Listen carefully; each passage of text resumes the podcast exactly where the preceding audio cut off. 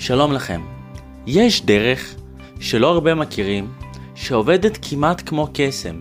שיטה ליצור חיבור מיידי עם אנשים ובנוסף גם השפעה. דרך שתעזור לאנשים להתחבר אליכם בקלות ולרצות להיות בחברתכם.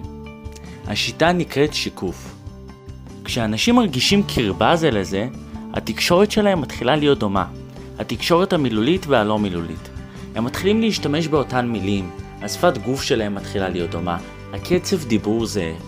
זה מגיע לרמה שכשאתם במיטה עם הבן או הבת זוג, הנשימות שלכם מתחילות להיות זהות.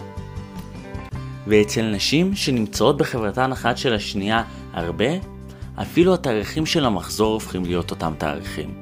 זה הזוי, אם אתם לא מאמינים, תשאלו אותם.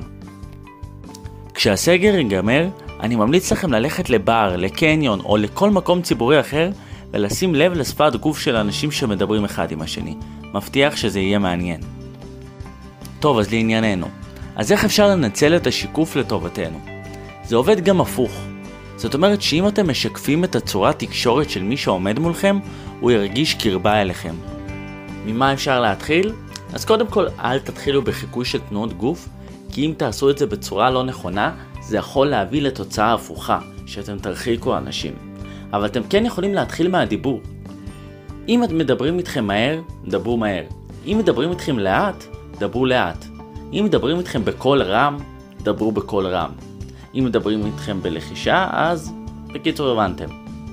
אבל כמובן, אני מקווה שאתם מבינים את זה, אל תנסו לחכות קול או מבטא. זה יהיה מצחיק, ואנשים יבינו שמשהו לא בסדר. להיום זהו. ביום רביעי אפרסם מאמר עם עוד 20 טיפים בתקשורת בין אישית.